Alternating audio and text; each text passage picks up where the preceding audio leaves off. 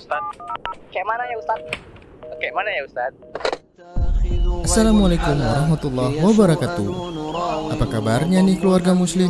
Semoga selalu diberikan kesehatan sekeluarga Dan diberi kemudahan segala urusannya Alhamdulillah kita ketemu lagi nih kawan-kawan Di program kesayangan kita Masih di Kemyu Kayak mana ya Ustadz?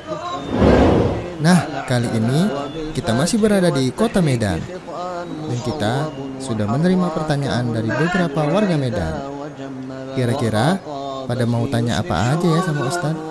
Ya udah yuk kita langsung saja ke pertanyaan pertama. Tetap di Kemyu. Kayak mana ya Ustadz? Assalamualaikum. Nama saya Hendro. Saya mau bertanya Ustadz, apa hukumnya membaca Quran sebelum berwudu? Kayak mana ya? Bismillah, Assalamualaikum warahmatullahi wabarakatuh.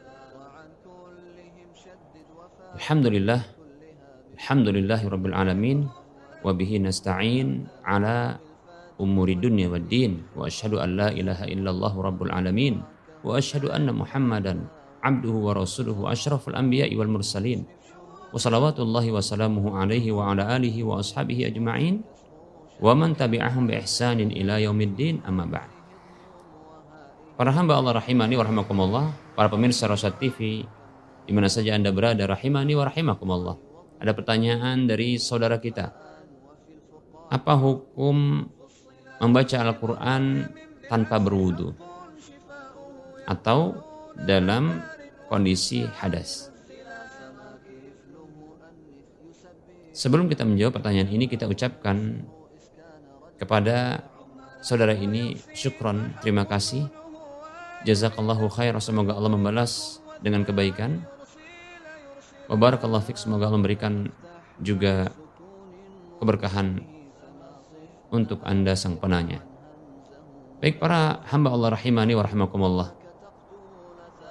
Para ulama berbeda pendapat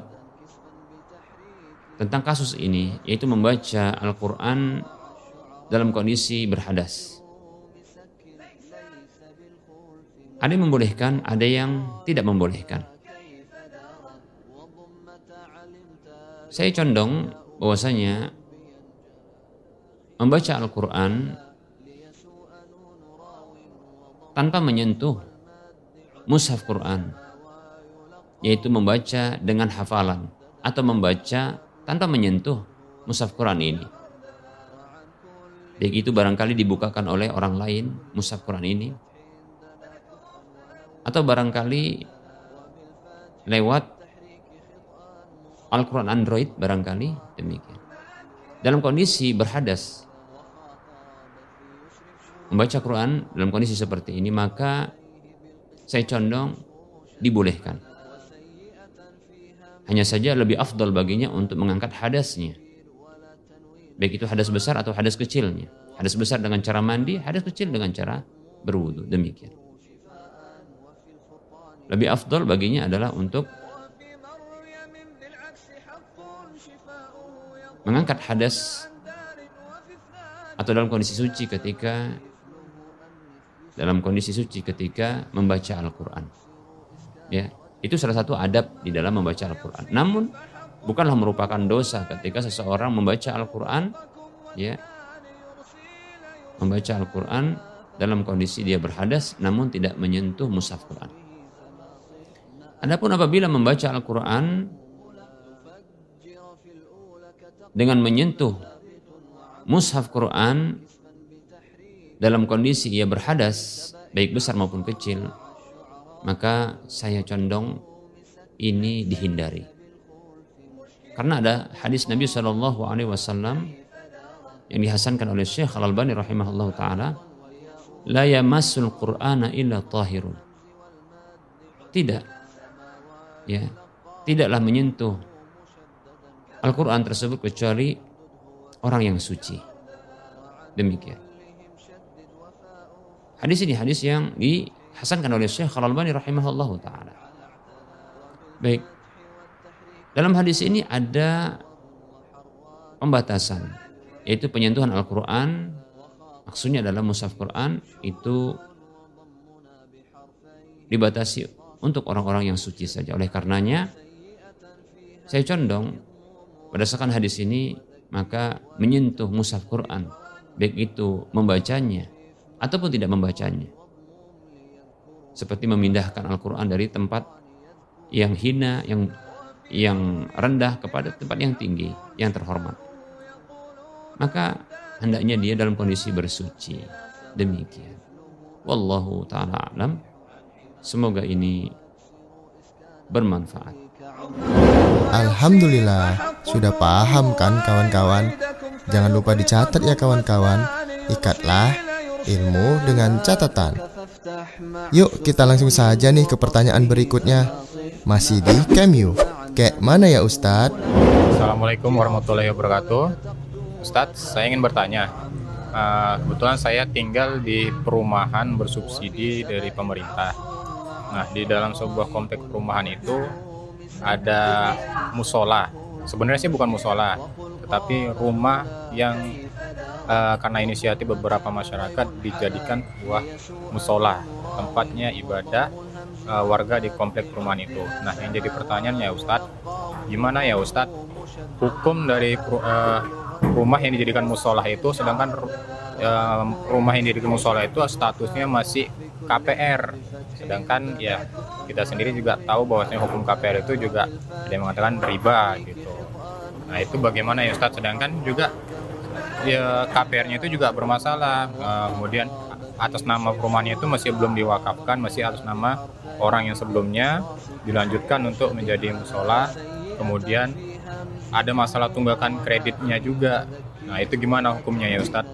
Oke ya Ustadz, itu saja pertanyaan saya. Uh, nama saya tadi Bastian. Terima kasih Ustadz. Assalamualaikum warahmatullahi wabarakatuh. Bismillah, Assalamualaikum warahmatullahi wabarakatuh. Alhamdulillah, wassalatu wassalamu ala rasulillah, wa ala alihi wa ashabihi wa man walah, wa la hawla wa la quwata illa billah, amma ba'd. Para pemirsa, Rosa TV, di mana saja Anda berada, rahimani warahmatullah. Ada saudara kita yang bertanya tentang hukum menjadikan rumah yang masih KPR itu sebagai musola atau tempat sholat. Baik, sebelum kita menjawab pertanyaan ini, kembali seperti biasa kita ucapkan terima kasih, syukron jazilan, wa jazakallahu khaira, wa barakallahu fiqh. Para muslim rahimani warahmatullah perlu kita ketahui bahwasanya barang atau benda yang didapatkan dengan cara berhutang yang memiliki muatan riba seperti contohnya adalah pembelian rumah KPR yang melibatkan pihak perbankan sebagai pentalang dari calon-calon pembeli rumah tersebut. Yang kemudian pihak perbankan tersebut akan membayar lunas rumah itu kepada developer lalu dia menetapkan adanya tambahan yang harus dibayarkan oleh konsumen atau calon pembeli dari rumah tersebut untuk dibayarkan secara bertahap. Bersama dengan pembayaran harga rumah yang telah dibayarkan kepada pihak developer. Maka ini merupakan bentuk jual beli dengan akad terhutang disertai dengan adanya riba. Karena dalam hal ini pihak perbankan sebagai pihak ketiga itu hanyalah pihak yang memberikan hutang kepada para calon pembeli. Lalu nantinya akan disepakati adanya tambahan di dalam pelunasan keseluruhan. Harga rumah ditambah dengan harga ribanya. Harga rumah yang itu dihutangkan yang dibayarkan terlebih dahulu kepada pihak developer antas ini sebagai hutang bagi para calon pembeli lalu ditambahkan dengan bunganya. Maka ini adalah riba. Baik barang-barang yang didapatkan dengan cara seperti ini para muslim rahimani rahimakumullah tidak terhitung sebagai bukanlah barang riba. Sehingga zatnya zatnya zat barang tersebut disebut dengan ya zat riba atau barang riba atau bukanlah termasuk barang-barang ribawi seperti itu. Sesungguhnya dalam akad seperti ini pelanggaran yang dilakukan adalah pada akadnya. Maka tentunya ada dosa Baik para muslim rahimani warahmatullah apabila telah bertobat pemiliknya atau orang yang melakukan riba tersebut bertobat atau kita katakan belum bertobat apakah lantas rumah tersebut menjadi riba? Kita katakan tidak demikian ya. Tidak ada namanya barang riba. Tidak ada barang yang dia berstatus riba. Riba itu adalah tindakan. Riba itu terjadi pada tindakan, perbuatan yang diakatkan. Demikian. Adapun barang sebagai objeknya. Seperti itu. Maka para muslim rahimani rahimakumullah, maka barang tersebut adalah suci. Jika memang asalnya adalah suci dan halal, maka dia suci, halal. Andaikan orang yang pelaku riba ini menghibahkan barang yang didapatkan dengan cara riba itu, maka itu halal bagi orang lain untuk menerimanya. Maka halal pula untuk digunakan oleh orang tersebut. Demikian pula maka kita katakan ya ketika sebuah rumah yang didapatkan pembeliannya dengan cara berhutang riba kepada pihak perbankan melalui jual beli KPR, ya perumahan KPR. Maka sesungguhnya rumah itu adalah milik dari pembelinya. Hanya saja caranya ini cara ribawi yang harus ditobati. Kalaupun tidak bertobat maka barang tersebut halal baginya. Kewajiban dia adalah menyelesaikan hutang pokoknya demikian dan tidak melakukan riba kembali. Seperti itu. Maka rumah tersebut apabila digunakan untuk tempat ibadah. Baik itu bagi penghuni rumah ataupun bagi masyarakat sekitar barangkali. Seperti barangkali rumah tersebut dijadikan sebagai tempat pengajian belajar ikra belajar tahsin Quran ya. Atau rumah tersebut dijadikan sebagai ya tempat ibadah bagi penghuninya. Penghuni rumah tersebut. Seperti penghuni, terse penghuni ter rumah tersebut dia menggunakannya untuk sholat baca Quran. Begitu juga barangkali diubah menjadi musola tempat sholat. Maka yang seperti ini tidak masalah. Ya, tidak masalah. Menjadi halal dan sah demikian. Ya. Hanya saja bagi pelakunya pelaku riba tersebut diwajibkan baginya untuk bertobat dan tidak mengulangi kembali dosa ribanya. Seperti itu.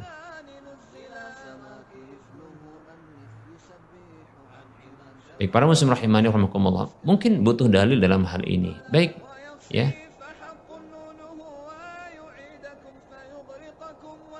Perlu diketahui bahwasanya perpindahan kepemilikan atau kita katakan uh, pemungsian ya yaitu penggunaan dari sebuah barang yang didapatkan dengan cara yang haram maka ini adalah halal ya.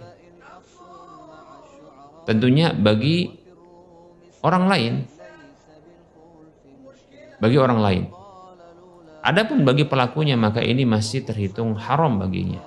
Seperti itu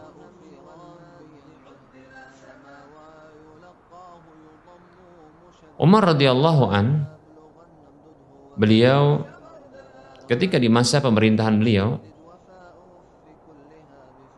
didapatkan para penarik atau petugas jizyah semacam petugas pajak yang menarik upeti atau pembayaran yang wajib dari orang-orang ahlul kitab. Ternyata para petugas ini mereka mendapatkan pembayaran berupa babi dan khamar Hal ini diketahui oleh Bilal radhiyallahu anhu maka Bilal melaporkan hal itu kepada Umar. Maka Umar mendatangi dan menemui para petugas. Sembari mengatakan walluhum bai'aha wa khudhu antum asmanaha. Walluhum bai'aha. Walluhum bai'aha. Biarkan mereka yang menjualnya dan kalian ambil hasil jual belinya.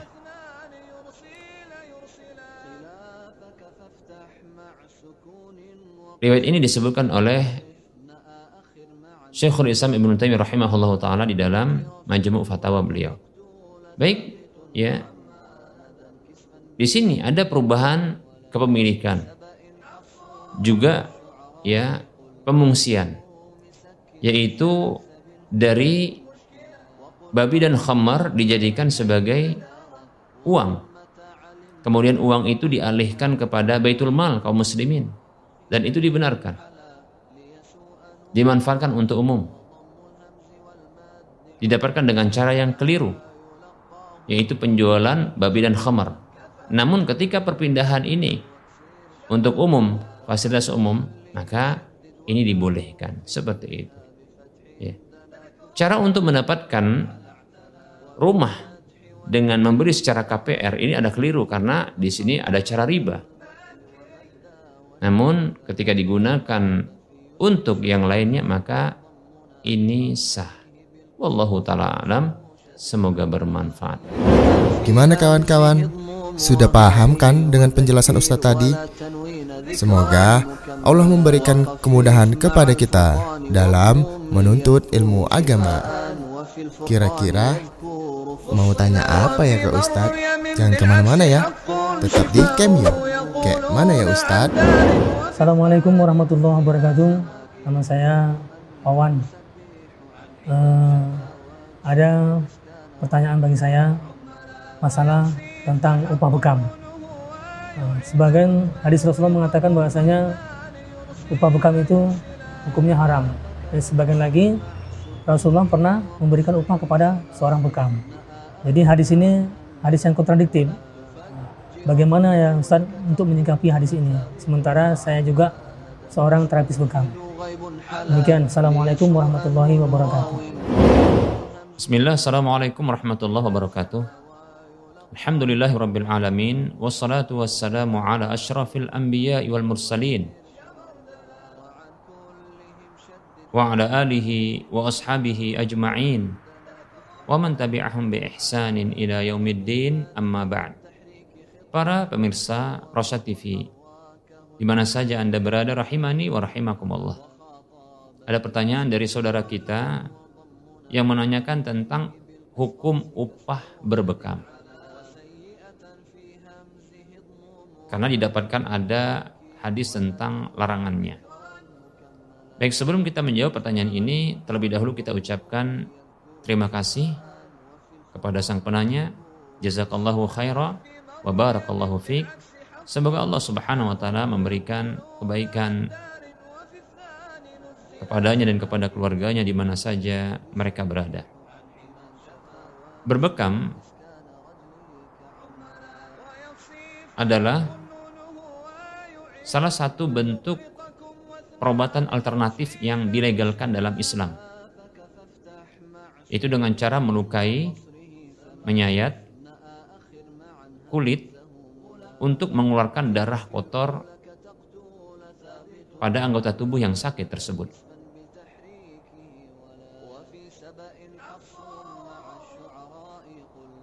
Dapat terdapat hadis tentang motivasi terdapat hadis tentang motivasi untuk berbekam. Hadis yang dikeluarkan oleh Imam Ahmad dalam musnadnya Rasulullah Shallallahu Alaihi Wasallam bersabda, "Khairu ma tadawaitum bihi al hijamatu." Sesuatu yang terbaik yang dengannya kalian berobat adalah berbekam. Yang semisal itu juga diriwayatkan oleh Imam Bukhari dan Muslim dengan redaksi yang sedikit berbeda, tapi maknanya adalah sama. Yang menunjukkan bahwasanya berbekam merupakan bentuk upaya perobatan atau usaha berobat yang afdol, yang utama dan yang lebih baik. Baik para muslim rahimani warahmatullah. Hanya saja para ulama mereka berbeda pendapat tentang hukum upah dari berbekam tersebut. Perbedaan pendapat mereka ini disebabkan karena adanya dalil-dalil yang datang yang seolah-olah bertentangan antara satu dengan yang lainnya. Sebagian dalil menyebutkan tentang buruknya larangan upah berbekam tersebut. Sementara dalil-dalil yang lain itu menyebutkan tentang dispensasi keringanan atau kebolehan untuk berbekam. Di antara dalil-dalil yang datang menyebutkan tentang larangan adalah hadis yang diriwayatkan oleh Imam Nasai, Imam Ahmad dan yang lainnya di mana Nabi SAW menyebutkan ini hadis dari Abu Hurairah radhiyallahu anhu nah Rasulullah sallallahu alaihi wasallam an kasbil hijami. Nabi SAW, Rasulullah SAW itu melarang dari usaha atau upah berbekam dan seterusnya ada beberapa yang disebutkan Nabi Shallallahu Alaihi Wasallam. Begitu juga dalam sebuah hadis Nabi Shallallahu Alaihi Wasallam hadis yang dikeluarkan oleh Imam Muslim dalam kitab Sahih beliau Rasulullah mengatakan Shallallahu Alaihi Wasallam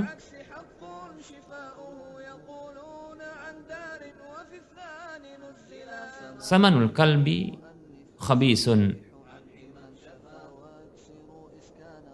wa mahrul baghi khabisun.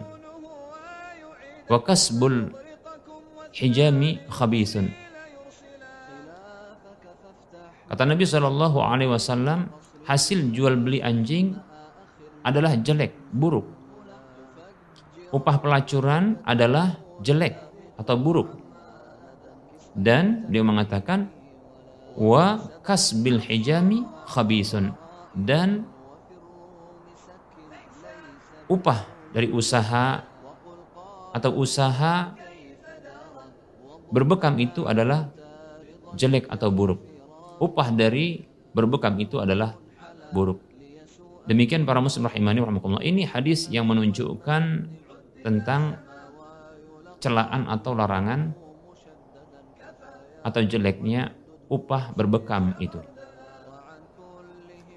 Baik para muslim rahimani rahmatullah. Sementara ada hadis yang juga banyak yang menyebutkan tentang adanya dispensasi untuk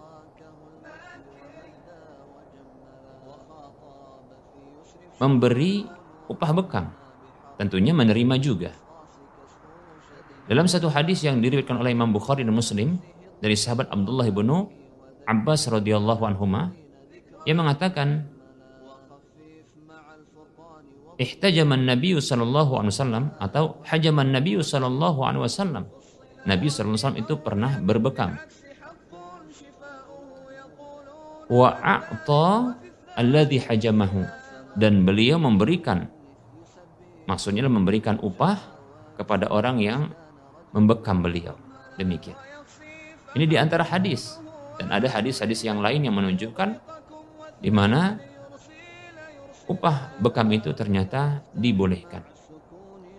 Jumhur ulama mereka menempuh dengan bentuk pengkompromian dalil ini dengan mengatakan bahwasanya larangan larangan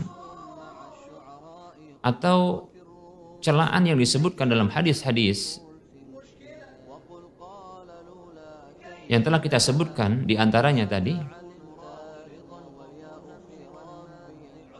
itu larangan yang dibawakan kepada hukum makruh. Karena memang para ulama mereka mengambil satu kaidah. Al aslu fin nahyi litahrim hukum asal larangan itu adalah untuk sebuah keharaman. Hatta yaridat dalilu ala sarfihi sampai ada dalil yang memalingkan memalingkan hukumnya tersebut ya, itu kepada hukum yang lain Nah, ada dalil yang datang dari Nabi SAW di mana Nabi SAW pernah berbekam dan beliau memberikan upah bekam itu kepada orang yang membekam beliau. Nah, ini dalil yang memalingkan kepada hukum makruhnya. Demikian. Yaitu hukum larangan itu dibawakan kepada hukum makruh. Ini jumhur ulama berpendapat demikian. Sementara ada ulama yang lain yang mengatakan tetap saja hukum haram ada pula ulama yang lain mengatakan hukumnya boleh-boleh saja.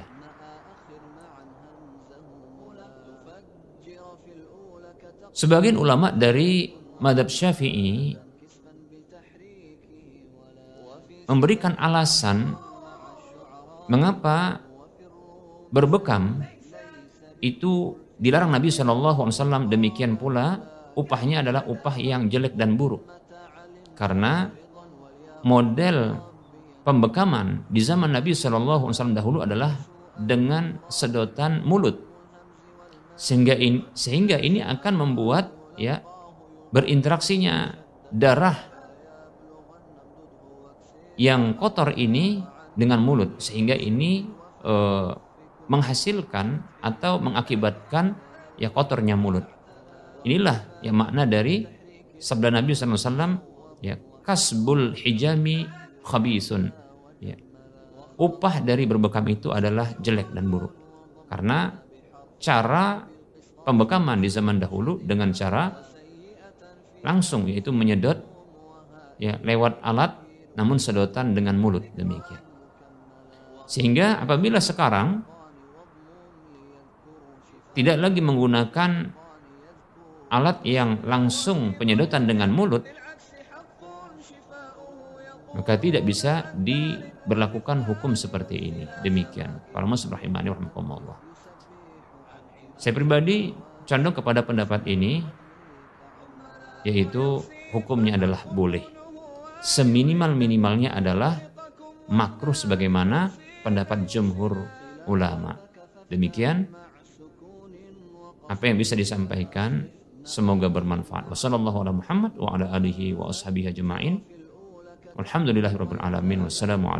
warahmatullahi wabarakatuh. Bagi kamu yang mempunyai pertanyaan perihal agama, silahkan kirim video pertanyaan kamu menggunakan HP atau kamera ke nomor WhatsApp 0822 8888 6630 atau kirim ke email kami rasyad.tv@gmail.com dengan format isi video, nama, alamat, dan pertanyaan yang akan kamu tanyakan. Ayo, kirim pertanyaan kamu dan tunggu jawabannya di Camyu. Kayak mana ya Ustadz? Alhamdulillah, kita telah sampai di pertanyaan terakhir hari ini. Nah, semoga apa yang disampaikan Ustadz tadi bisa menambah ilmu agama kita semua. Ingat ya kawan-kawan, menuntut ilmu agama itu wajib loh atas setiap muslim. Dan terima kasih telah menyaksikan episode Cameo kali ini. Insya Allah, sampai jumpa lagi di episode-episode Cameo berikutnya. Assalamualaikum warahmatullahi wabarakatuh.